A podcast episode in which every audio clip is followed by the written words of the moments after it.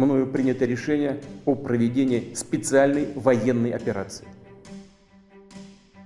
Nu er det snart et år siden, vi vågnede til nyheden om, at Ukraine faktisk slet ikke er noget rigtigt land.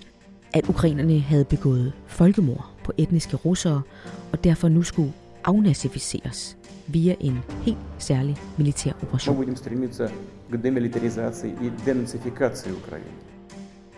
Fra nord, syd og øst væltede Putins tanks ind over grænserne til Ukraine den 24. februar 2022, mens skrækslagne borgere søgte mod kældre og metrosystemer i ly for missilerne. Den største krig i Europa siden 2. verdenskrig var over natten en realitet. Flere hundrede tusinde mennesker har nu mistet livet i en krig, der har budt på en brutalitet, vi sjældent har set. Massevoldtægter, tortur, henrettelser af civile og et stadig mere undertrykkende og autoritært Rusland. To af det her lands fremmeste Ruslandskendere, Niels Bo Poulsen og Flemming Spidsbo, giver i den nye bog Putins krig indsigt i krigen og dens årsager. Og du får grundige svar på spørgsmål som, lever Sovjetunionen egentlig endnu? Er Putin syg i hovedet eller faktisk super rationel? Hvorfor er de russiske soldater så brutale? Hvorfor er deres militær så uduligt? Og er det overhovedet det? Og står Rusland og Kina til at blive fremtidens Dream Team?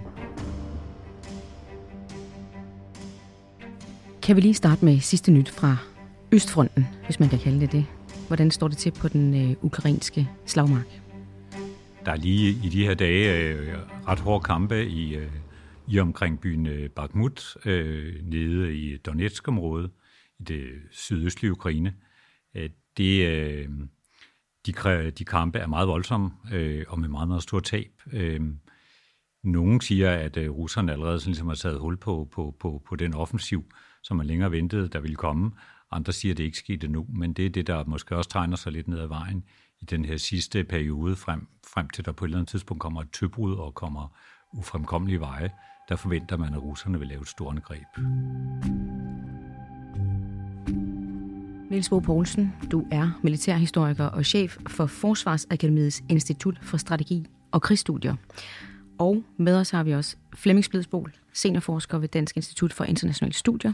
Velkommen til jer begge to, og tak fordi I vil komme. Ja, selv tak. Hvorfor, hvorfor, hvorfor er vi jo rigtig mange, der har spurgt os selv om det seneste år. Øh, Flemming, helt grundlæggende. Vi så et Sovjet, der smuldrede for øjnene af os, og op af asken rejste sig et nyt Rusland med spæde forsøg på at indføre demokrati, øh, kapitalisme, privat ejendomsret. Øh, de indgik i internationale institutioner, nærmede sig Vesten på mange måder, øh, og de anerkendte Ukraines suverænitet. Så kan man så klippe frem til 30 år senere. Putin står og holder en tale, hvor i han lige pludselig proklamerer, at nu skal Rusland tage tilbage alt det, som de engang havde. Hvad er det lige, der er sket i de her 30 år? Hvad, hvorfor har man skiftet position på den måde? Så de vil pege på en række af de her forhold som NATO-udvidelse og EU-udvidelse og andre forhold og sige, jamen der er nogle ting nu, der er anderledes, end de var i starten af 90'erne. Det er vi nødt til at reagere på. Rusland taler meget om en ny verdensorden, øh, som Rusland skal være med til at skabe, øh, hvor man fjerner på en måde den, det, man hævder, den amerikansk ledede verdensorden, øh, og så kommer der noget nyt i stedet. Så det vil være, det vil være en del af en forklaring. Det simpelthen siger, at vilkårene har forandret sig. Noget andet kunne være, at russerne måske ikke var helt oprigtige heller dengang øh, i starten af 90'erne, at de faktisk havde øje på noget andet. De har øje på, at Rusland igen skulle øh, blev større, blev mere magtfuld, måske øh, en del af sin magt over nogle af de her tidligere sovjetrepublikker. Uanset hvad kan vi sige, vi, vi taler meget om, om det post-sovjetiske, og det er nogle gange lidt uheldigt, fordi det, det får os til at hænge fast i det her kollaps, der var øh, omkring 91-92. Øh, men krigen i Ukraine og i stigende grad også Putins retorik, som du selv nævner, øh, understreger jo, hvor vigtigt det er at forstå stadigvæk Sovjetunionen, og den... Øh, man sige, det kaos, øh, både fysisk og, og, og mentalt kaos, som fulgte efter, øh, efter opløsningen af Sovjetunionen, ikke? og som stadigvæk martrer mange russere, herunder også Putin selv. De er jo verdens allerstørste land, suverænt. Øh, og så kan det jo godt være, at man er sur over noget med NATO og sådan noget, men, hvor, men det her virker jo som en territorial krig, altså udover at man vil bestemme, man vil også en, altså det havde man i hvert fald i starten en idé om, man vil ind og tage Ukraine, man vil udvide sit territorie endnu mere. Hvorfor er det de her nærmest imperiale fantasier ikke vil dø det er fordi, de aldrig rigtig er blevet diskuteret i Rusland. Man har aldrig i Rusland taget et opgør med dem. Øh, og det er overraskende, hvor stærke de er, og hvor ufortyndet det sådan kommer frem. Øh, så der, vi har i mange år talt om, om de her såkaldte fantomsmerter, ikke? at russerne havde ondt der, hvor Uzbekistan engang sad, og øh, Armenien og Belarus osv. Ikke? Det gjorde ondt på dem, at de havde mistet det. Men man tænkte alligevel, at de kommer sig øh, over det med tiden.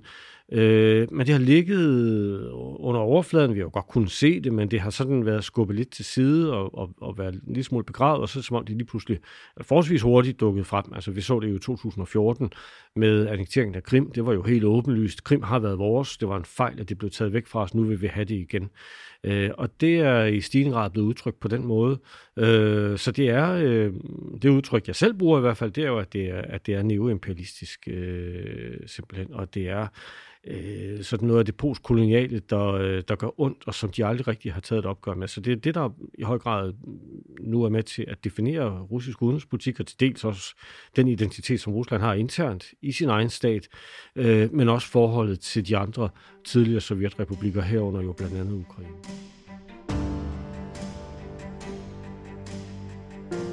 Vi fik i hvert fald den krig, øh, og øh, Niels Bo Poulsen, der var jo mange dengang, øh, da det skete, der sagde, det kommer ikke til at ske. Fordi det er ikke noget rationelt valg.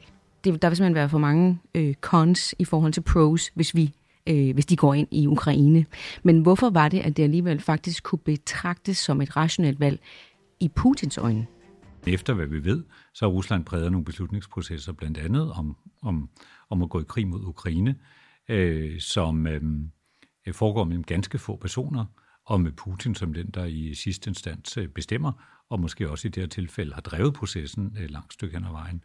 Så derfor skal vi ikke regne med, at, at, øh, at, at, at overvejelserne omkring krigen, angrebet, er blevet grænsket i alle mulige komiteer, hvor der sidder økonomer, hvor der sidder efterretningsfolk, hvor der sidder militærfolk, hvor der sidder diplomater, som hver med deres, eget, deres blik på sagen siger, pas på, det er en dårlig idé af de og de årsager, eller har vi styr på det og det, fordi hvis vi gør sådan og sådan, så risikerer vi, at vi kommer herhen. Vi glemmer jo igen og igen, at Putin sådan set ikke står til, øh, til regnskab for vælgerne.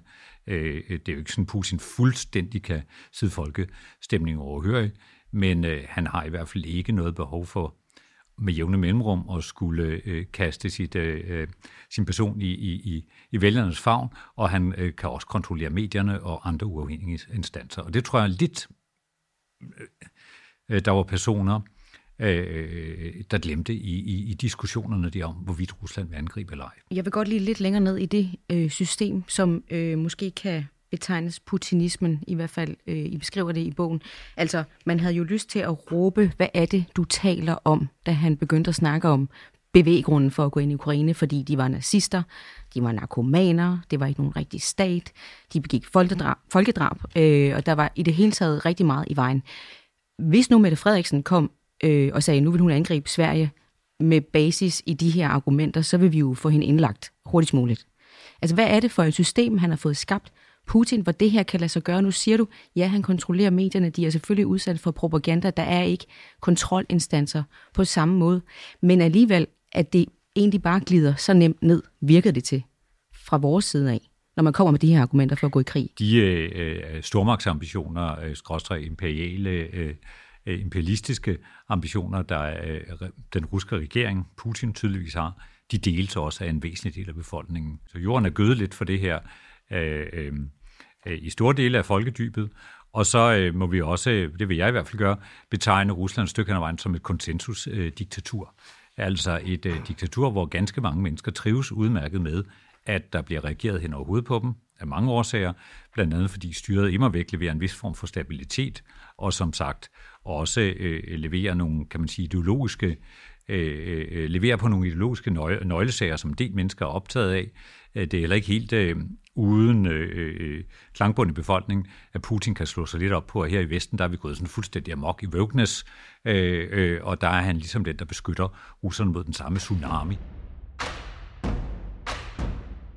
de accepterer historierne om nazister og narkomaner, selvom de måske tænker, at det er måske ikke helt sådan, det er. Men til gengæld får jeg alt det her gode. Ja, og så, øh, og så er det jo ikke fordi, at øh, russere tror på alt, hvad, hvad de russiske statslige medier siger. Russerne har faktisk på mange måder meget stor mistro, også til deres egne magthavere. Men det er jo så en del af tragedien, at de læser den samme mistro, også i retning af de vestlige systemer, de vestlige lande, øh, og tænker, sådan er det, når man har magt, Øh, sådan er det med stater. De lyver, de svindler, og dem, der bestyrer staten, kan man egentlig ikke regne til meget med. Øh, og staters konkurrence. Stater er ikke gode eller onde, som sådan stater har bare nogle interesser, de forvalter. Og derfor vil russerne heller ikke være særlig tilbøjelige til at tro særlig meget på, hvad vi siger, hvad vores medier siger osv. De vil tænke, det, det er den samme surdej. I forlængelse af det her den ideologi, der måske er opstået, der hedder putinismen, så var der en særlig øh, sekvens, som gav mig sådan rigtig ægte diktator-vibes. Og det er også en sekvens, I beskriver øh, et par gange i bogen, nemlig et tv-transmitteret møde, som Putin holder med sit sikkerhedsråd, og øh, et par dage inden krigen faktisk kommer.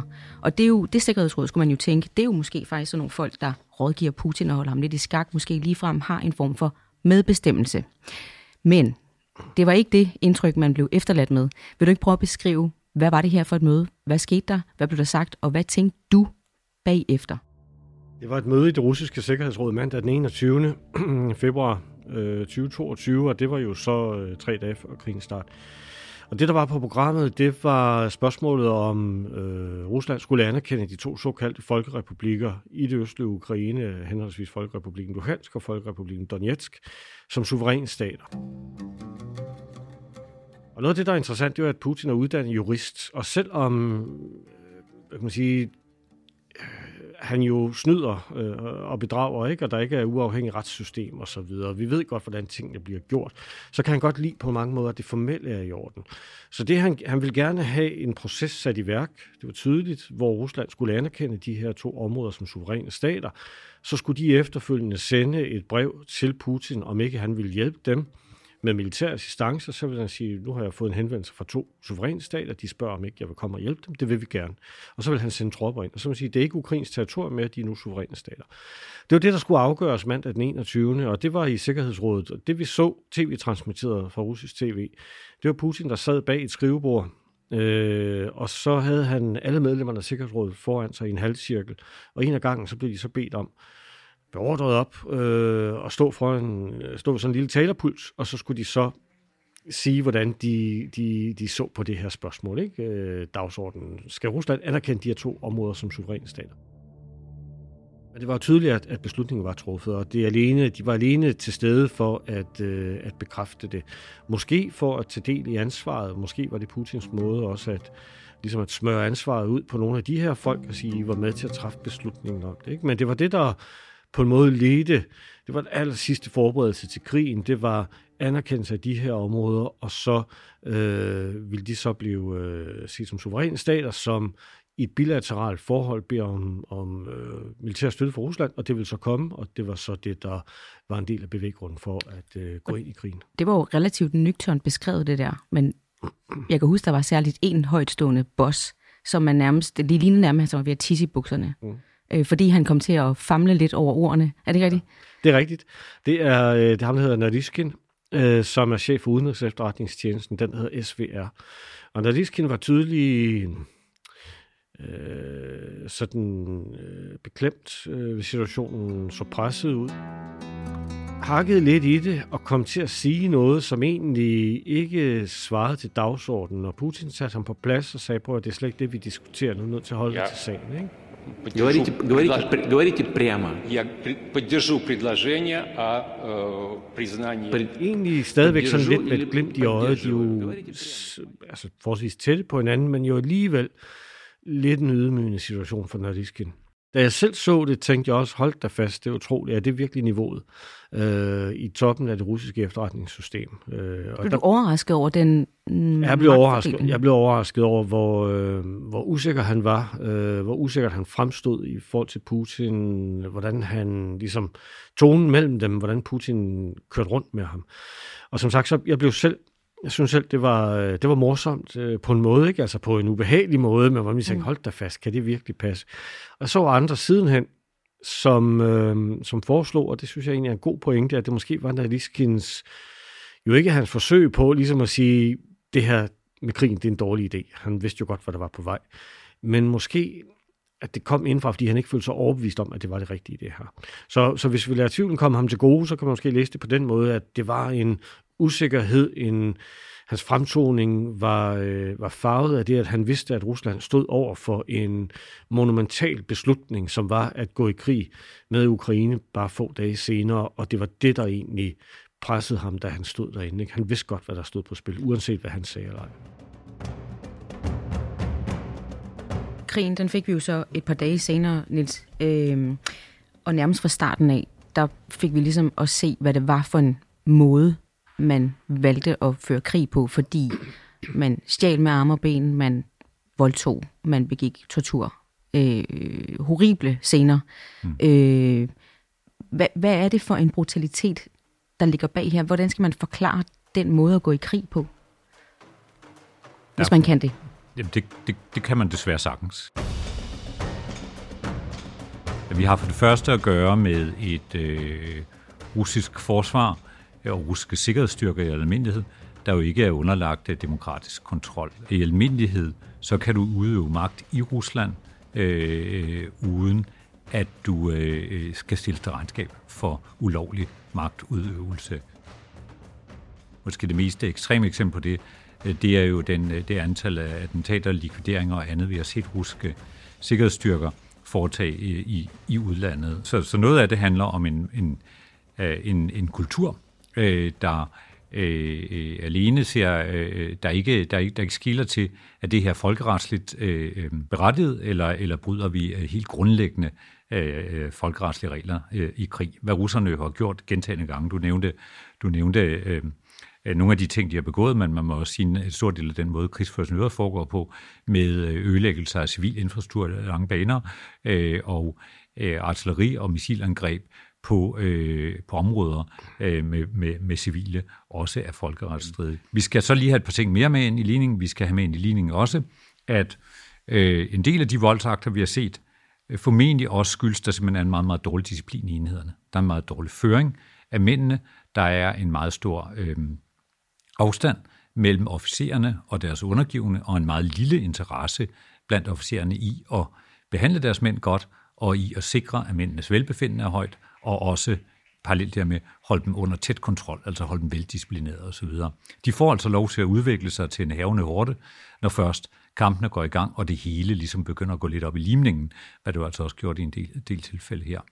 Øh, og bagved det ligger der så også i det hele taget en lidt anden, altså det er jo ikke for at sige, at russere er, er, er fra helvede, og, og, og mennesker fra Danmark for eksempel er fra himlen. Der ligger også en lidt anden øh, maskulinitets- og, og voldskultur i det hele taget, det russiske samfund, som jeg også tror skal ind i den her ligning, nemlig at, øh, og den handler også lidt om rekrutteringen af en del af mandskabet til de væbnede styrker, som kommer fra forholdsvis øh, øh, øh, øh marginaliserede miljøer, marginaliserede i sådan socioøkonomisk forstand af ordet, øh, hvor øretæverne i forvejen sidder lidt løst, og hvor du Ligesom når du skal sætte dig respekt over for hinanden, så er det ved nævnsbrug, det er ved trusler og lejlighedsanvendelse af vold i sig selv. Og det har også spillet med over det russiske forsvar. Så vi skal i hvert fald de her komponenter ind, og så tror jeg, som det sidste ord i den sag, heller ikke styret har været helt ked af at skabe meget, meget store flygtningestrømme. Øh, og der har det her været en af flere komponenter i at få skabt de her flygtningestrømme. Flygtningestrømme, som man forventede både ville presse Ukraine internt med de interne fordrevne i Ukraine. Det ville også presse Vesten, fordi flygtningestrømmene ville krydse, øh, eller de ville presse Europa, fordi flygtningestrømmene i stort omfang har krydset grænser til resten af Europa, øh, og så ville det jo hele taget presse både den økono- ukrainske økonomi, altså mange mennesker blev revet op mod rode. Så det tror jeg også er en del af det, at der er også et strategisk sigte, delvist i hvert fald med, med den, skal vi sige, terror, som der blev udøvet. Mm-hmm.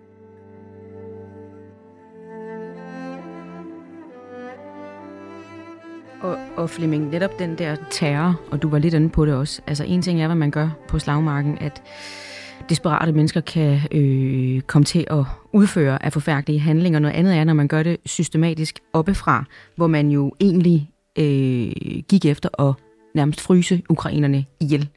Øh, man angreb, og med jeres ord, man terroriserede dem til underkastelse, eller det har man forsøgt på ved at angribe civil infrastruktur.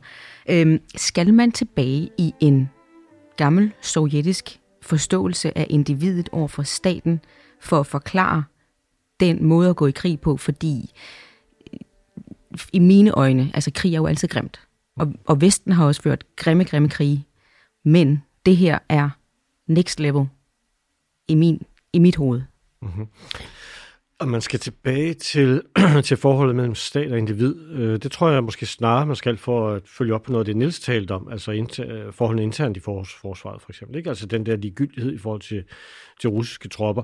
Selvfølgelig også ligegyldigheden i forhold til ukrainske liv. Øh, altså individuelt og så videre. Ikke? Øh, der spiller det givetvis en rolle. Øh, men jeg tror, jeg vil snarere pege på, på, på det her øh, forhold, at Rusland jo tidligere var centrum i et imperium, og, og, og det er øh, der er nok nogle af, af, af lytterne, som, som er lidt overrasket over det. Ikke? Øh, ofte glemmer vi, at Sovjetunionen var et imperium. Der er nogen, der ikke kan lide at huske det af politiske årsager. De kan ikke lide at tænke på Sovjetunionen som et imperium. De tænker på Sovjetunionen som noget, der var løftet op over det og var bedre.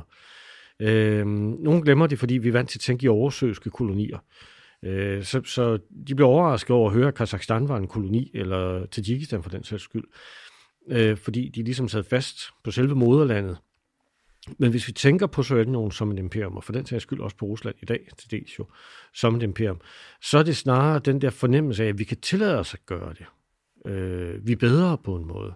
Øh, og der har jo været, og det knytter også an til det, Niels talte om med, med overtrædelse af krigens love og nogle af de forbrydelser, der er sket, altså den demonisering, som er sket øh, af den ukrainske befolkning i høj grad. Den er jo taget til efterhånden, som krigen udviklede sig og blev mere og mere træk ud jo, men også blev mere innate, så, så, så var der også en tydeligere demonisering af det. Og det er måske også noget af det, der er kommet op fra, som har spillet en rolle. Det der med, at vi kan tillade os at gøre det, fordi de jo alle sammen børn af fascister og nazister, mm. og de går stadigvæk rundt med det i blodet nærmest, ikke? og derfor kan vi dels ud på slagmarken jo, altså konkret, men også sådan i den større strategi, vi har for det, så kan vi, så kan vi bruge nogle andre midler til at undertvinge dem, fordi det tilsiger selve kampens karakter, at det er vi nødt til at gøre. Så, så jeg ser der også noget af der. Så det, det er lidt en blanding. Der er dels noget selvfølgelig i den mange respekt for individet, øh, som går tilbage til Sovjetunionen, og før det også til, til øh, det russiske imperium. Øh, men der er også noget i det der med, at Rusland på nogen måde måske føler sig øh, overlegen, ikke? hævet over det, og derfor har, har, øh, har ret til at anvende nogle forskellige redskaber, simpelthen fordi det er på en måde en bedre stat. Og Putin talte jo om det med det her, som er den her organiske stat, ikke sådan en naturlig stat, en, en mere edel stat på en måde. Og hvis jeg må tillade mig lige at illustrere det med et eksempel fra en anden øh, vindretning, så at sige, øh, Kazakhstan, som Flemming lige var inde på, øh, led helt forfærdeligt under Stalins kollektiviseringer tilbage i i øh, slutningen af 20'erne og 30'erne. Næsten halvdelen af befolkningen døde af forskellige årsager i over nogle få år, altså den indfødte kazakhiske befolkning. Og ikke mere end nogle år siden, jeg overværede et for, øh, foredrag af nogle russiske historikere til en konference, øh, hvor, de, øh, skulle, hvor de ville fortælle om, hvordan Sovjetunionen øh, netop havde hjulpet folkeslagene i Centralasien op på et højere, højere stade, og de viste sådan et billede af sådan kvinder i dag i, i relativt værtsligt tøj, og så viste de nogle billeder af fra 1910'erne af nogle kvinder i slør og så videre. Ikke? Og det var ligesom deres fortælling om den her øh, sovjetiske dominans i Centralasien. Det var, at alt var bare blevet bedre, de var blevet civiliseret, de, havde, de var blevet bragt op på et langt højere niveau. Øh, det indgik slet ikke i ligningen, at en del af den proces altså også var, at halvdelen af befolkningen dør. Og det siger jo netop noget om, måske også emotionelt, om hvor, hvor, hvor, hvor voldsomt vred man kan blive over disse utaknemmelige små folkefærd, herunder ukrainerne, som russerne føler sig meget, meget tæt på, at de ikke bare ligesom vil indordne sig under russernes civilisatoriske øh, øh, mission, men øh, og når de så ikke vil det, så må det jo være enten fordi de er onde, eller fordi de bliver manipuleret med CIA og amerikanere og alt muligt andet. Mm. Men det er jo også det, som du siger, at, øh, at, at halvdelen af befolkningen så dør i Kazakhstan, i Ukraine. 4 millioner, tror jeg det var, der døde af hungersnød, ja. Ja. fordi man også tog alt deres mad. Øh, og den her gang så smadrer man hele landet og går efter at og, altså egentlig slå folk ihjel som et, et et, et, et, et middel. Og, og, og det, altså for mig er det, jeg synes, det virker vanvittigt, at det er en, en måde at vinde over et folk på. Altså hvis man også skal vinde deres øh, hearts and minds, som man snakker om, eller Kazakhstan, se det dejlige øh, form for samfund, vi giver jer. Vi slår godt nok halvdelen af jer ihjel, men så får I også noget rart bagefter. Altså det, øh, altså det at være så dem selv under 2. verdenskrig, hvor de øh, mistede 22 millioner mennesker, øh, Ja, altså det, det er jo selvfølgelig en kortsigtet politik, og det er jo også det dels noget, som er kommet på grund af omstændighederne, ikke? At, øh, at krigen er trukket ud, og så har man besluttet forholdsvis tydeligt, øh, kan sige mandag den 10. oktober, øh, var der et stort øh, russisk gengældelsesangreb. Øh, lørdag den 8. oktober var der angreb på Krimbroen, øh, og der gik to dage, så om mandagen, så kom der ret stort angreb, og det i mellemtiden var og der var kommet en ny øverstbefalende, øh, general Sudovikin, som siden er rådet et enkelt trin ned, men han blev jo indsat der. Øh, og det var meget voldsomt, og der talte man i russiske medier om det her, det var et gengæld- gengældelsesangreb, eller det var en ny strategi. Og det endte nok med at være et gengældelsesangreb, som ligesom udviklede sig til en ny strategi. Og tanken var jo så, at man skulle pålægge den civile befolkning så store omkostninger, at de til sidst simpelthen ville give op og sige til deres politikere, nu er vi nødt til at gøre nogle indrømmelser, nu er vi nødt til at afstå de her områder, for vi er nødt til at få vand og varme og el og gas og alt muligt tilbage. Øh, det var ikke nødvendigvis noget fra starten, men noget, som er kommet undervejs, hvor man simpelthen har valgt at gribe til det her meget, meget voldsomme redskab.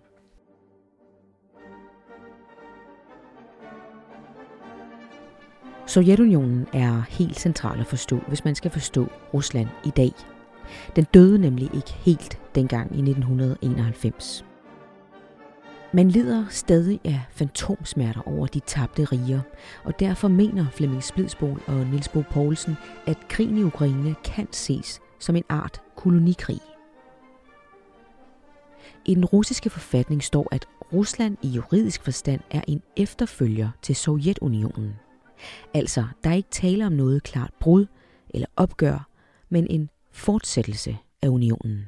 Rusland er nu 2023 er ikke Sovjetunionen, men Sovjet sidder i knoglerne.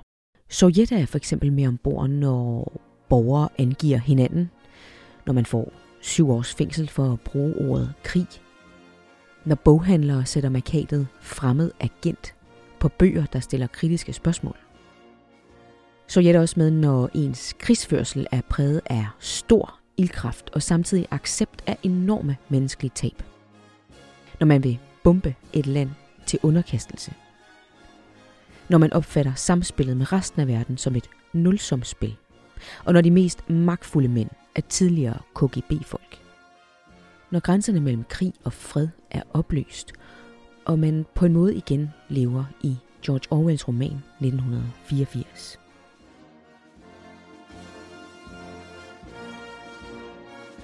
Nils, hjemme i Rusland, der er, man, der, er der jo ikke nogen øh, fri debat. Øh, og man bliver jo udsat for propaganda, du var inde på det tidligere også. Men, altså, er det hele forklaringen på, hvorfor russerne egentlig ikke protesterer mere, end de gør over det her? Er der også i lidt ind på det i bogen, i starten i hvert fald, de soldater, der blev sendt afsted, øh, kom fra randområderne, fattige områder, øh, med anden etnisk baggrund end russisk. Øhm, når man ikke er gået mere op i, at man faktisk har mistet ret mange mennesker, og man så tror på de officielle tal eller ej, så er det stadigvæk meget høje tal. Øh, er det fordi, man er lidt ligeglad med dem, eller hvordan skal man forklare det faktum, at man egentlig mister rigtig mange mennesker dernede, og at man er i den her krig, man måske ikke helt 100% har forstået, hvorfor man er i? For det første, og det har du allerede skitseret, ikke? så er det jo det sted farligt at protestere. Øh, farlig forstand, at du du kan blive, øh, blive arresteret, du kan miste dit øh, studieplads, dit, dit arbejde, du kan få en alvorlig fængselsstraf øh, øh, for at udbrede falske påstande om krigen. Øh, øh for det andet, øh, så er der stadigvæk også ganske mange russer, der deler overordnet styrets narrativ, og som ikke har noget med den her krig.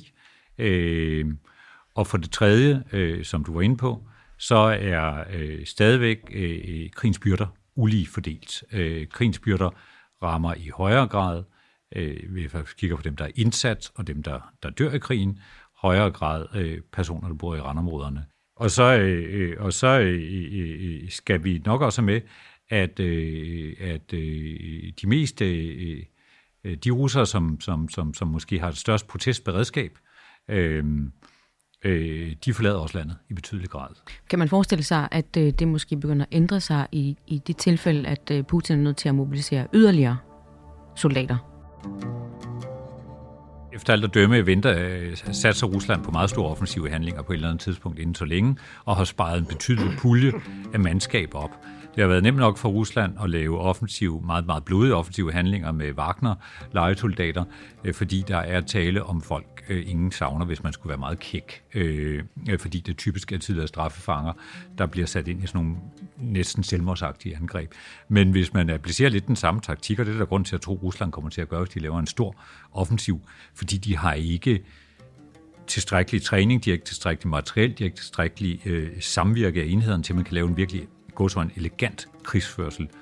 Hvis det kommer til at gå, som man må forvente, med meget, meget store russiske tab til følge, uden nævneværdige gevinster, og uden på en eller anden måde lukke krigen for Rusland, altså på et for Rusland bekvemt grundlag, øh, og styre samtidig gået og indkalder flere folk, så kunne jeg godt forestille mig, at det ville få vandstanden, så at sige utilfredshedslasset, til at stige til et for, for, for styret øh, problematisk, øh, øh, ganske problematisk niveau. Vi skal også, men vi skal også have med i det her, at for rigtig mange russere, der er alternativet til Putin, og alternativet til de problemer, der sker i øjeblikket, det er en eller anden form for kaos, og det er de endnu mere bange for.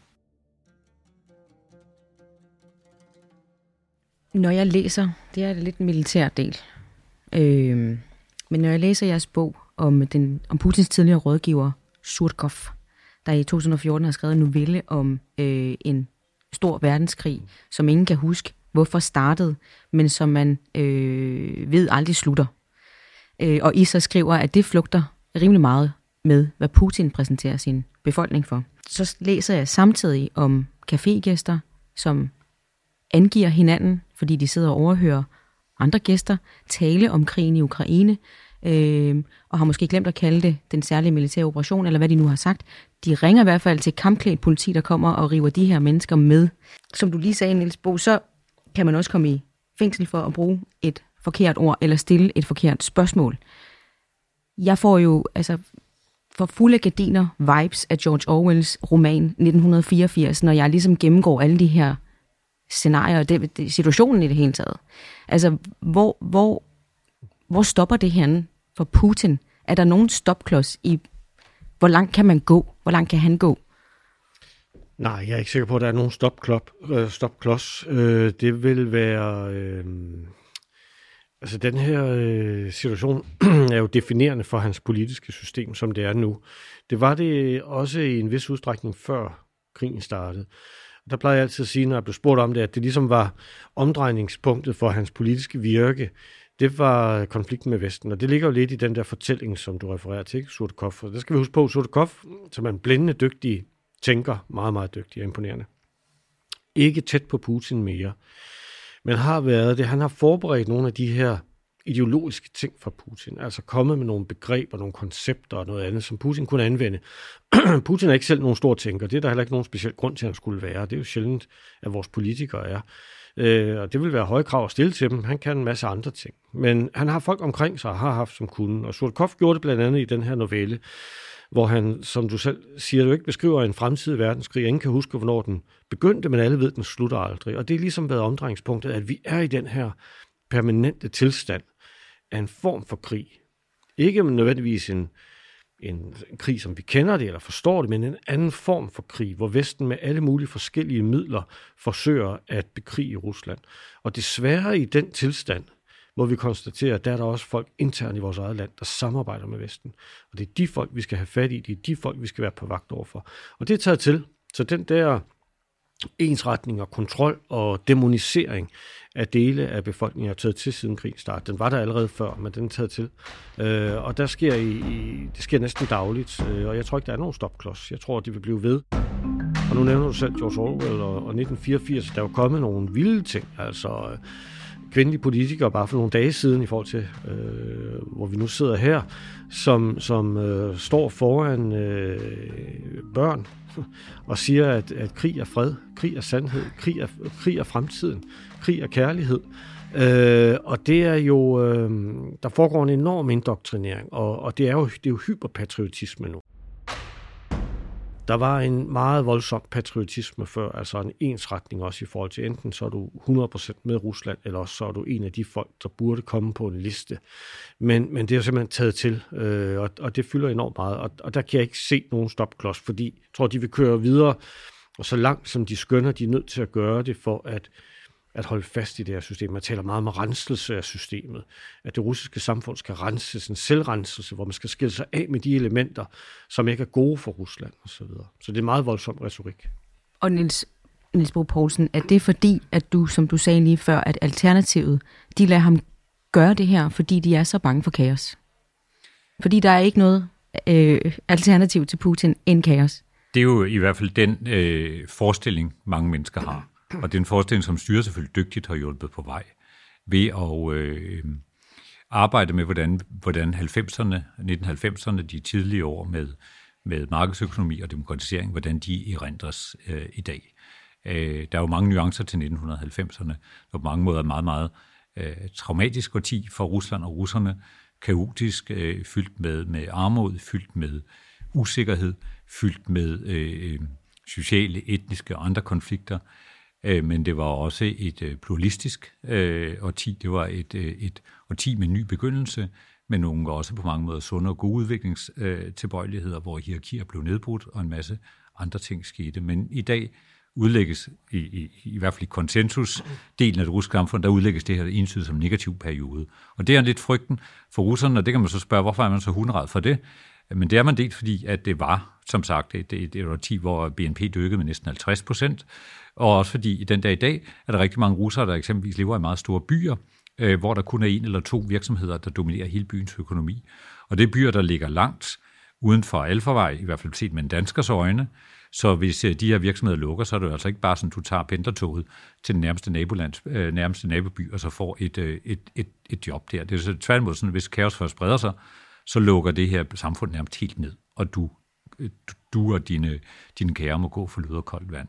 Så det, det er en del af det. Og så øh, skal der altså også med, at, øh, at styret jo selv sørger for at holde øh, væsentlige dele af den øvre af befolkningen, særligt embedsværket, glade og trygge, øh, gennem den måde, systemet fungerer på, hvor rigtig mange har adkomst til at bruge deres stillinger øh, til egen berigelse. Det kan være økonomisk berigelse gennem bestikkelse, gennem øh, øh, gennem og, og ligefrem overtage private virksomheder, som er, er lukrative øh, på ulovlig vis. Men det kan også bare være at nyde alle de små privilegier, der er ved, at man, øh, hvis man er guvernør i en eller anden øh, provins, at øh, selv privat flyselskab lader flyet vente, hvis man er lidt for sent på flyet, øh, til flyet, eller at man, øh, man kan ringe til folk øh, i, i, i, i, i byen, og, og, og så springer og bukker de for en, fordi man har den magt, man har. Og det, øh, Øh, Øh, det, øh, det gør også forventeligt, at det ikke bare er, er, er, at det her styre fungerer ikke bare med Putin, som hvis han måtte få et hjerteslag i morgen, så ser det helt anderledes ud. Der er en række øh, øh mennesker, en række grupper, der nyder godt af systemet, og som på sæt og vis også holder andet i skak. For et system, der er den grad præget af intransparens og ulovlig øh, opnåelse af goder og privilegier, der har alle ligesom noget på alle, og alle frygter for, hvis der nu kommer en ny vand til magten, hvad gør det så ved mine privilegier, ved min position i forhold til andre stridende klaner, der måske vil arbejde sig ind på det? Så derfor bliver det på sæt og vis også et selvregulerende system på mest perverse måde. Og nu var du lige øh, inde på en del af de udfordringer, Rusland jo står overfor. Jeg vil godt lige tænke mig at høre her til allersidst jeres begge tos vurderinger, om de vinder på øh, i Ukraine eller ej, eller om de får territorier eller ej. Uanset hvad, så er Rusland jo, som I, I, I beskriver i bogen, det er vigtigt og interessant for store supermagter som USA og Kina, fordi de sidder i FN's Sikkerhedsråd, de har vetoret, de har et gigantisk arsenal af kernevåben, de øh, ruster op i Arktis. Der er masser af grunde til, at det er nogen, man ikke bare sådan lige lader sejle sin egen sø. Men derudover, så er det jo et land, som har fuldstændig vanvittige udfordringer. Altså, man har lav vækst, man har problemer med, at der ikke bliver født børn nok, øh, som du selv siger, store områder, hvor man er afhængig af en enkelt sektor eller en enkelt fabrik. Øh, der er ikke noget innovation, det hele er gennemkorrupt fra vugge til grav. Hvordan skal sådan et land klare sig i fremtiden? Hvordan, hvordan ser I Ruslands fremtid for jer? Jeg ved, I, I lister en række scenarier op i bogen, men jeg vil gerne høre et enkelt bud, som I tror er mest realistisk? Jeg ser for mig, at Rusland, som klarer sig igennem, det vil være øh, stærkt autoritært, måske endda nærmest semi-totalitært. Øh, det vil skrabe sig igennem med en økonomi, hvor det i stigende grad fokuserer på egen teknologi og på selv at levere osv., indtil det på et tidspunkt rammer muren, og så må, det, øh, så må landet ligge om, og så vender det tilbage til Vesten. Rusland er i sin kerne en europæisk stat, og det kan vi ikke tage, tage fra dem, og det insisterer de jo også på, på trods af alt det her, øh, at de hører til, og vi kan ikke udskamme dem og sige, at de ikke er med, og så videre. Så jeg tror, det er det, der kommer til at ske. Det ser jeg som, som det mest sandsynlige i hvert fald. Ærgerligt nok, så gør jeg det samme. Det ville jo være dejligt, hvis jeg øh, kunne med, med stor varme stemme tale om et af yderscenarierne. Um, jeg vil dog øh, øh lige øh, øh, et par minutter påtage mig, mig rollen som øh, øh Putins talsmand i det her øh, selskab, og sige, at øh, nu snakker vi jo i indledningen af den her samtale omkring, øh, hvad er det for en rationalitet, øh, der, der, der lå bag den beslutning, der blev taget. Og det fik jeg egentlig ikke sagt så meget om. Jeg fik mere sagt noget om de processer, der kendetegnede beslutningen. Men, men, men som du selv var inde på i starten, Michel, så, så kunne Putin faktisk godt, øh, hvis vi havde ham her, formentlig redegøre for, at der var nogle gode rationelle grunde til det. Og på samme måde, hvis vi havde Putin i studiet, så ville han også sige, om det her det er alt for sort et billede, øh, I maler op, Flemming og Niels. Øh, fordi øh, øh, 10-15 år, så vil endnu mere af magten være flyttet fra Vesten ud i resten af verden. Vesten vil være langt mere svækket, både på grund af den relative øh, øh, forskydning i øh, i, hvor, hvor, hvor, hvor stor en andel af øh, den globale produktion Vesten har, men også i forhold til det stadig vigende folketal i Vesten og stadig stigende folketal andre steder. Det vil også være presset endnu mere af, af, øh, legal såvel som illegal øh, øh, migration og flygtningestrømme fra et Afrika, der buller frem. Og samtidig så har vi en god og komplementær arbejdsdeling med Kina. De kan noget, vi kan noget andet. Vi, står, vi respekterer hinanden og står, står sammen med en række store tredjeverdenslande i det globale syd, om at sikre, at øh, den her vestlige dominans indgyldigt bliver brudt til fordel for en langt større grad af pluralisme. Det bliver så i givet fald ikke pluralisme, det bliver en benhård stormagts egoisme og konkurrence hen over hovedet på de, på de mindre stater og hen over hovedet på de fattige, hvis Putins verdensbillede øh, bliver det, der kommer til at gøre sig gældende. Men jeg, øh, men jeg er bestemt øh, øh bange for, at der også sagtens kan tænkes et scenarie, hvis, en række, hvis de vestlige institutioner viser sig lidt sværere, end vi må regne med, øh, men vi, end vi kan håbe på de kommende år. For eksempel har USA jo et præsidentvalg om, om, om øh, cirka halvandet år. Øh, så, så jeg ikke helt afvise, at hvis Rusland ligesom kan klare sig igennem det, vi ser i de her år, at vi så vil se et, øh, et, et, et, et, et, et, et Rusland, der fremdeles vil være en stor og mægtig, og måske også mere øh, internationalt legitim magt, det vi ser. Men det vil så handle om, at de vestlige øh, institutioner er blevet mindre legitime globalt set, og det vil i virkeligheden heller ikke handle om, at Rusland er blevet mægtigere og, og mere magtfuld. Det vil bare handle om, at en række andre aktører er kommet længere ned i niveau, så at sige. Mm. Øh, øh, og det er måske i virkeligheden også det eneste, Rusland øh, øh, øh, øh, øh, nogle gange øh, satser på. Det er ikke nødvendigvis at, at, at vokse med, med, med syvmilskridt de kommende år. Det er mere at kaste så meget grus i maskineriet hos andre væsentlige aktører, at russerne fremgår, fremstår lidt mere Øh, øh, spiselige og lidt mere effektive, end de ellers ville gøre. For en lille uge siden holdt Putin tale i anledning af 80-årsdagen for Nazi-Tysklands nederlag ved Stalingrad. Han sagde sådan her. Det er utroligt, men sandt. Igen bliver vi troet af Tyskland og deres Leopard-tanks med påmalet kors. Endnu en gang går de i krig med Rusland på ukrainsk jord for at hjælpe Hitlers følgere. Vi sender ikke kampvogne til deres grænser, men vi har andre ting at respondere med. Det ender ikke med brugen af pansrede vogne. Det skal alle forstå. Forstå det hele lidt bedre med bogen Putins krig. Den er ude nu.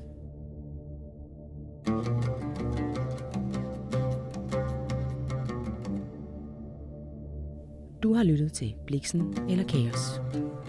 En podcast fra Gyldendal. thank you